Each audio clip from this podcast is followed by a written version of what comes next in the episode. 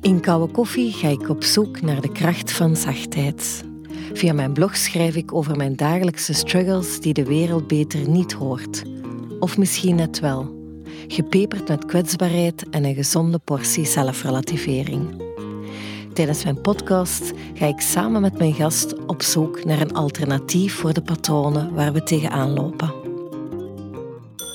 De kracht van zachtheid, aflevering 7 over de vaardigheid verantwoordelijkheid nemen. Rudy Franks, 60 jaar geleden geboren en getogen in Leuven en de bekendste oorlogsjournalist van ons land. Geen enkel internationaal conflict ontsnapt aan zijn arendsoog en tijdens zijn 30-jarige carrière als oorlogsverslaggever nam hij meerdere prijzen in ontvangst voor zijn moed en toewijding en voor zijn grote betrokkenheid bij de slachtoffers van conflicten. Welkom. Hallo. Als lagere schoolkind lag ik soms uren wakker van het jaaroverzicht. Ik werd overmand door een gevoel van machteloosheid bij het zien van zoveel onrechtvaardigheid. Ik herinner me zelfs dat ik om mijn achtste een brief heb geschreven naar de koning en dat ik bijna euforisch was, omdat ik dacht dat ik het recept voor de wereldvrede had gevonden. En dat wou ik zo snel mogelijk delen met alle wereldleiders die er waren, in de hoop dat alles beter zou worden. Was jij van jongs af aan geëngageerd of is jouw engagement maar doorheen de jaren gegroeid? Oesja, dat is al moeilijk. Hè? ik denk dat ik een gevoel had van, van heel vroeg al van, over onrechtvaardigheid en, en boosheid over dingen die ik niet juist vond. Ik denk dat er is in, in mijn hoofd een soort van... Ik weet niet of dat dan mij, iets genetisch is of niet, dat er een, een soort van schakel is, die als iets niet juist is, je kunt mensen hebben die bedweterig willen zijn, maar als ik voel van eigenlijk hier wordt een leugen verteld of hier wordt iets verteld dat niet klopt, of dan, dan voel ik mij gedwongen om daar tegenin te gaan. Ik herinner me zelfs al als er op een bepaald moment ruzie was tussen, tussen mijn grootvader die boos was op mijn, op mijn, op mijn oom en dat was, dat was dat ik me daarmee ging moeien, dat ik mij geroepen voelde om daar van, want die woonden naast elkaar, van de ene deur naar de andere te gaan en te gaan. Maar waarom zeg je dat nu? Wat meent je daar nu van? En en hij heeft, bekijk het eens van die kant. Wat dat eigenlijk redelijk atypisch is voor, uh, voor een ventje van 11 jaar of zo. Mhm.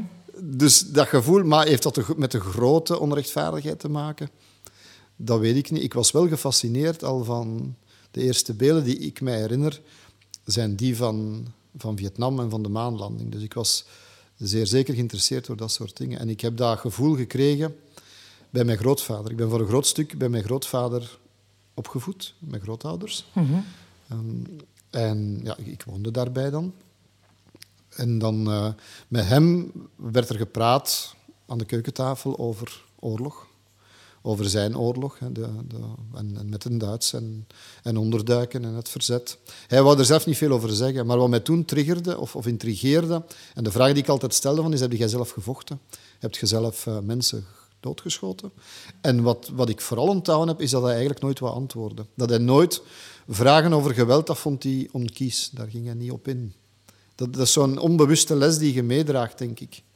Dus dat heb ik wel mee. En dan daarna met hem naar de films over Vietnam gekeken, op de eerste oorlogsfilms. Die hebben mijn, mijn beeld wel bepaald. En dan bedoel ik zo... Apocalypse Now is natuurlijk misschien mijn favoriete film, maar ik heb het dan vooral over oorlogsfilms die onrechtvaardigheid aanklagen. Um, The Killing Fields over de slachtpartijen van de Rode Khmer in Cambodja. Of uh, Coming, Coming Home over een Vietnam-veteraan die terugkomen. Die films die eigenlijk... Ja, en dan The Year of Living Dangerously over de, de staatsgreep in, in Indonesië. Dus eigenlijk die wereld, dat was wat mij fascineerde. En wanneer had je als kind het gevoel dat je voor de eerste keer op de barricade moest gaan staan? de barricade, dat is... Uh... Ik denk dat ik pas dat gevoel heb gekregen toen ik... Het gevoel dat ik iets mij moest uitspreken toen ik studeerde. Mm Pas toen ik... Uh, laatste jaar humaniora en dan hier in Leuven en dan de universiteit. Ik heb dan geschiedenis gaan doen, ook om die reden. Omdat ik geïnteresseerd was wat in de wereld gebeurde. En in de geschiedenis en dat wou begrijpen en en toen pas is dat begonnen. En dat ging dan over wat, wat in, in Cambodja gebeurde. Want mijn generatie is natuurlijk voor een stuk bepaald door de naweeën van Vietnam en het beeld dat daarover in de films doorcijpelde.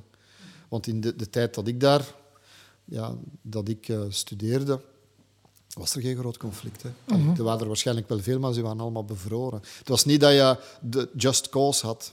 En dan de echte stap dat je gaat zetten is van, ik dacht van ja, mijn vrienden noemden me dan een beetje smalend Max Havelaar. Dan ging ik in de wereldwinkel, dan werd ik zogezegd koffieboer die koffie ging verkopen. Maar ja, ook dat was na verloop van tijd een beetje te steriel voor mij. Ik bedoel, ik had niet het gevoel dat ik daar veel impact over had. Maar ik hoor wel dat je gevoel er al zat van toen je jong was, van, van bij je grootvader. En was je dan nooit getriggerd omdat je zei van hij vertelde niet wat er precies was gebeurd? Of hij vertelde wel, maar antwoordde niet op de vraag van heb je meegedaan? Nee, maar je krijgt andere lessen mee onder, onderhuids. Hè. Ik bedoel, dan keken we naar de films over, over Vietnam. Mhm. En dan, dan zei hij, ja, nu verwacht ik nog daar en daar dat er iets over gaat gezegd worden. Maar dan kreeg ik ook de les bij, ja, maar het zijn de overwinnaars wel die, die de oorlog schrijven en die de geschiedenis schrijven. En vandaar ook die, die, die behoefte om, ja, maar ik wil wel dat daglicht laten zien. Wie dat dan ook het gedaan heeft, of, want het gaat over, over mensen die, die slachtoffer zijn. Dus ja, mhm. en dat is het uiteindelijk geworden. Ja. Wel, ik hoorde jou vorig jaar in de podcastreeks Zwijgen is een, geen optie zeggen... Het gaat om wat je doet, de verantwoordelijkheid die je hebt voor wat je bij anderen veroorzaakt. Staan onze leiders en onze burgers te weinig stil bij wat ze bij anderen teweegbrengen? Ik denk dat soms wel, ja. Ik vraag me dat soms af. Ik bedoel, en je kunt er nog iets aan toevoegen. Hè. Elk woord heeft zijn betekenis. Dat is die slogan van, of die spreuk van Sartre. Elk woord heeft zijn betekenis. Ook elke zin. Ook het niet spreken heeft zijn betekenis. Hè. Dus als je zwijgt over onrecht, ja, dan impliceert het dat je het laat passeren en goed praat. Dat is al één, maar dat is te gemakkelijk.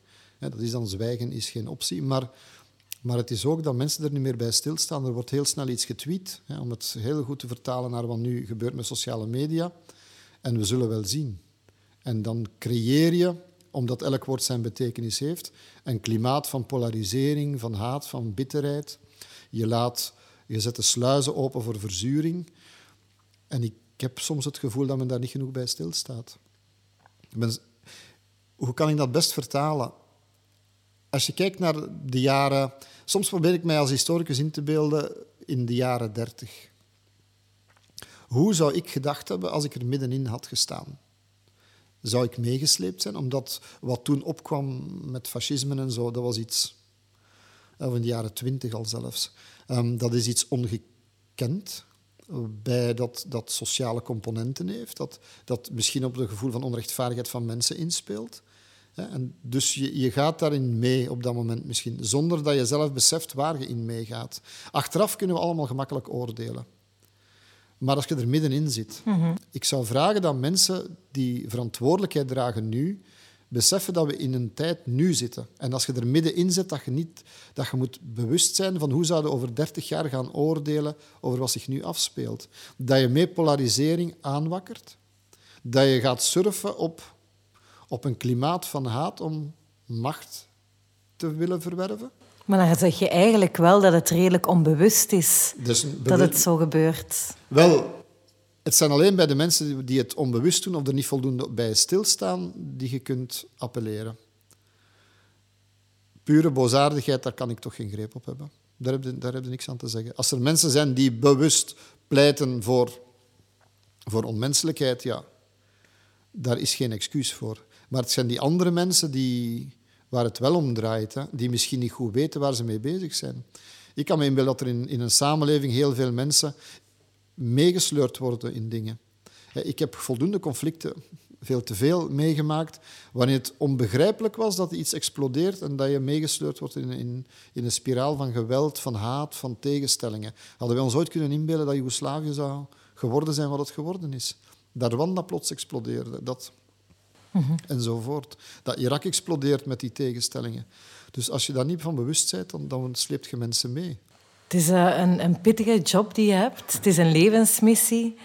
Um, ik las onlangs in een interview met Paul Verhagen en Dirk de Wachter over geluk, onder andere. Mm dat je het echte geluk vindt door iets voor anderen te doen. Ervaar jij een soort van geluk door de meest kwetsbaren in oorlogsgebied een stem en een gezicht te geven? Absoluut, absoluut. Dat is het enige dat mij rest. Dat is het enige waarom je dat nog doet. Door hen een gezicht te geven en door hier proberen de geest te openen. De geest en het hart te openen van mensen. Dat ze met iets geconfronteerd worden of over dingen gaan nadenken die met de- de eigen hardheid in je eigen gemoed te maken hebben. Maar zeker ginder, ja. Toen we die, dat was een van de, de fijnste momenten, of de gelukkigste momenten in, in die dertig jaar dat ik dat doe, is toen we met die, die instrumenten aankwamen in Mossel. Het kan, ik dacht aan mijn eigen, ben ik nou echt zo'n softie geworden? Wij dan ook. Bijna, bijna met de tranen in mijn ogen. Dat ik zeg, het is gelukt, het is, het is, het is geweldig. Of dat, je, dat er zoals nu, na aanleiding van dat van in Irak, dat er zo'n een, een actietje gestart was waarbij dat een aantal straatkinderen, niet die ene die een sandwich gekregen heeft, maar tientallen anderen misschien wel een beetje voortgelopen worden of naar eh, school kunnen. Of in, in Somalië dat er eh, een idee komt over dat, dat men misschien meer inzicht en begrip voor vluchtelingen heeft, dat men daar iets aan doet. Of dat psychiatrisch centrum waar psychiatrische patiënten zouden kunnen gesteund worden nu die... Oh, want oorlog maakt gek. Dus je hebt daar een kwart van de bevolking van Mogadishu die posttraumatic stress en, psychiatrische ziektes, symptomen van krijgt. Dat die mensen geholpen worden. Dat doet mij ontzettend plezier aan. Dat, dat geeft mij het gevoel, dan kan ik weer even voort. Maar tegelijk is dat het, dat is het warme gevoel.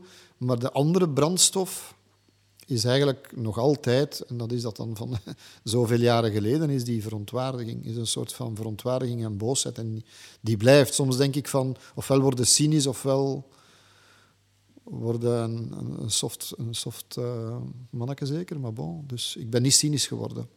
Maar die verontwaardiging is gebleven.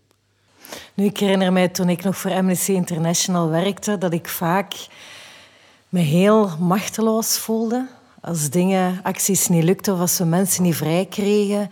En ik vraag me dan af, en, en, en je zegt terecht van, je moet wel betrokken zijn bij de mensen, want anders doe je dit, dit ook niet. En ik vraag me dan af, hoe ver kan je gaan in die empathie zonder het erin te verliezen? En misschien nog belangrijker, hoe voorkom je in zo'n job dat je helemaal verzwelgt in boosheid en effectief cynisch wordt? Um, afstand af en toe pakken. Dingen, ik heb geleerd om dingen ook even achter mij te laten telkens. Allee, ik vergeet ze niet als ik terug ben van... Maar ik, ik heb wel geleerd om in te zien dat wat je kunt doen beperkt is. Als je zo goed... En dat klinkt bijna als een... Als een een volkse wijsheid, de Vlaamse boerenwijsheid. Je kunt maar zo goed doen als dat je kunt doen. En als je er alles aan gedaan hebt, dan moet het loslaten. Dan moet het, je kunt niet anders. Als je zoveel onrecht ziet... Je moet, je moet het loslaten in de zin van ik heb het beste wat ik kan gegeven. En dat is het. Dat is het. Dat, dat is het dan ook. Als jij alles hebt gedaan met Amnesty International om iemand vrij te krijgen en je kunt dictator al-Sisi niet de, hand, de arm omwringen, ja, dan, wat kun je dan doen? Je kunt toch niet jammeren tegen de muur gaan staan? Dan moet je zeggen van oké, next fight. Maar je moet je kern bewaren, je kern van waar je in gelooft en waar je, waar je voor staat. En je moet vooral opletten in mijn stijl, want dat is ook een beetje dat helpt. Hè. Ik ben wel journalist, reporter, ik wil de wereld weergeven, maar ik ben geen activist.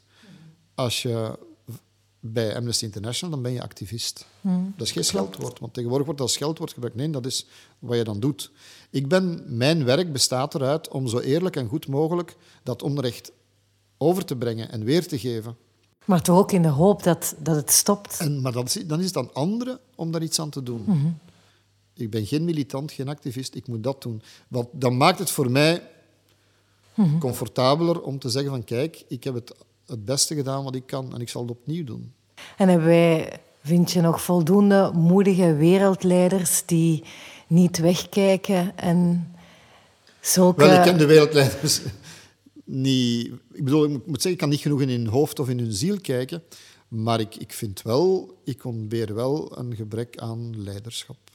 Aan leiderschap bedoel ik met mensen die durven leiden en niet alleen maar durven volgen. Een van de meest Um, hoe noemen ze dat?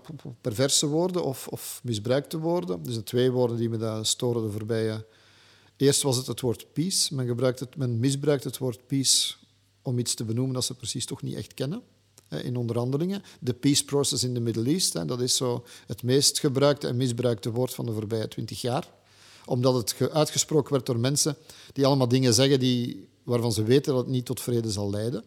En die precies de inhoud niet kennen daarvan. Namelijk, dat sluit je af met vijanden, niet met je vrienden die je de hand omwringt. Dat is al één. Maar twee is tegenwoordig het woord uh, draagvlak. Hè? Dus wat moeten we dan eerst een poll onder internettrollen doen om te weten wat wel kan en niet kan? Allee, is dat dan draagvlak? Ik dacht dat je leiders had die een draagvlak... Als je een draagvlak zoekt, dan hadden we nog altijd gerookt op restaurant op café, want er was geen draagvlak voor. Als je een draagvlak zoekt, ik kan u duizend voorbeelden opsommen van beslissingen die nodig waren om de samenleving vooruit te hebben, die we nooit hadden genomen. Mhm. Dus dan denk ik van... Dat is voor mij het symptoom van een gebrek aan leiderschap. Mhm. Toch? Absoluut. En dat heeft voor mij geen politieke kleuren, want men gaat er mm. van alles... Nee, nee, dat is gewoon van... Hebben wij op Europees vlak, op wereldvlak, mensen die durven en kunnen, maar ook durven zeggen waar het op staat. Menselijke beslissingen hadden zijn wij in de euro gestapt, hadden wij niet mensen gehad die toen hadden beslist van mm. dit is belangrijk dat we dat doen, dat we het dan besparen of niet. En ik heb het dan niet over concrete politieke maatregelen, maar ze hebben ze wel genomen in functie van wat ze... Zij geloofden. Ik kan het er niet mee eens zijn soms, maar ze geloofden in iets, gingen daarvoor ondanks tegenkanting. Dat noem ik leiderschap. Mm En menselijke beslissingen zijn niet altijd populair. En beslissingen zijn niet altijd populair. Nee, dat mhm. is zo. Mhm. Wat gaan we zeggen als over... En ik, ik heb er geen verstand van, maar ik, ik ben zelf... Ik heb een wake-up call gehad, bij manier van spreken, van die jongeren die gingen betogen wat, over het klimaat. Dat is een thema waar ik niet genoeg bij stilstond misschien, ja. Maar wat gaan we zeggen over 50 jaar als, als ik weet niet wat is, als het hier overstroomt is in Australië, alles in brand staat enzovoort. Dan kan ik mij alleen maar wenden tot de wetenschappers die zeggen van... En hun geloven. Ik, moet, want ik, kan het, ik ken het niet, dus ik moet iemand geloven. Dan ben ik geneigd om wetenschappers te geloven. Net zoals ik geneigd ben, en dat klinkt dan vreemd misschien, want er zijn mensen vinden dan, ah, je moet pacifist zijn. Ik ben geen pacifist in die betekenis. Als militaire plannen uittekenen over hoe iets, een invasie in Irak, waar ik dan wel bij betrokken ben, nefast zal zijn om die en die en die reden. Als je dat en dat doet, namelijk debatificatie, de mensen ontslaat en alles, iedereen allee, chaos creëert, eigenlijk een vacuüm creëert, dan ben ik geneigd om militairen te geloven. Want zij zijn op hun manier specialist in wat zij doen. Mhm. Ik hoef daar niet mee eens te zijn allemaal, maar zij, weten wat ze doen. En dan zijn het, zoals in het geval van Irak in 2003, de politici die het verklooid hebben. En hoe komt dat politici die zich dan verschuilen achter het woordje draagvlak, dat er niet zou zijn? Ah, maar dat is dieptepsychologie. Daar moeten wij de psychiaters voor komen. Ik weet niet, een vorm van de behoefte aan populair zijn, de behoefte aan misschien ook de wispelturigheid van... Ik denk dat ze ook mee gevangen zitten in een politiek systeem of in een tijd en politiek systeem nu, waarin de kiezer wispelturig is, waarin dat bestaande structuren afgebrokkeld zijn, waarin dat de zuilen en de partijen en de... Ja, er is veel minder... Ze zijn veel meer van de, de getijden van de stemmingen van het publiek afhankelijk voor hun eigen mhm. bestaan. Mhm. Waardoor ze bijna automatisch blijkbaar gedwongen worden om rekening te houden met de korte termijn. Mhm. Maar ja, eigenlijk... dan is mijn vraag van waarom doe je, doe je het dan? Allee, mhm. ik, het gaat mij ook altijd over, over macht. Ik heb altijd in mijn hoofd gehad, macht, dat heeft een doel. Eh, macht is toch geen doel op zich? Mhm. Ik denk dat men dat uit het oog verliest. Macht is geen doel op zich. Macht moet ergens toe leiden. Wat wil je doen met die macht? Ten goede of ten kwade, maar liefst ten goede natuurlijk. Maar wat wil je daarmee doen? Daar gaat het om. Maar macht op zich en populair zijn op zich, what the fuck. Tot slot, wat betekent voor jou zachtheid? Met de jaren steeds meer misschien mildheid tegenover menselijk falen. Ik, dat was vroeger harder, denk ik. In mijn bewust van, ik was juist. En ik bedoel, als het zo is, dan is het zo. Op basis van mijn hersens dacht ik, dat is de conclusie. Een soort van mildheid van, ja, oké, die mens bedoelt het ook niet allemaal misschien verkeerd. En dan heb ik het over gewoon menselijk falen. Hè. In, we, maken al, we zijn allemaal maar struikelende, zoekende, wezens die, die vergissingen maken. Ook in ons, in onze omgang met andere mensen, rechtstreeks. Waar ik geen mildheid voer, waar ik absoluut totaal geen mildheid voor voel of, of, of harder in ben geworden als het gaat over, over leiderschap en verantwoordelijkheid. Dat, is, dat is dubbel. Op het menselijk vlak kan ik falen accepteren en moeten mee om leren gaan. Bij jezelf ook, want dat is niet evident. Je bent soms hard voor je eigen. Maar op andere vlakken, geen sprake van, nee. Er is nog één slogan die ik, die ik zou meegeven. Ik heb die gevonden van, van George Orwell. Ik heb dat misschien nogal eens gezegd wel. Ik heb die in, in, in New York gevonden, vorige maand. En dat was op een badge dat daar stond. En George Orwell daarin stond van... In a, in a time of deceit, in de tijd van, van leugen of, of is, uh, is looking for the truth a revolutionary act. Is op zoek gaan naar waarheid, een daad van, van verzet, van revolutie. En dat is de tijd waarin dat we nu zitten. Dank je wel voor het fijne gesprek. Fijn dat je even tijd nam om te luisteren. Via de website kouwekoffie.be kan je je inschrijven op mijn nieuwsbrief en zo blijf je op de hoogte van mijn nieuwe blogs en podcasts. Ik kijk uit naar jullie reacties en graag tot een volgende keer in zachtheid.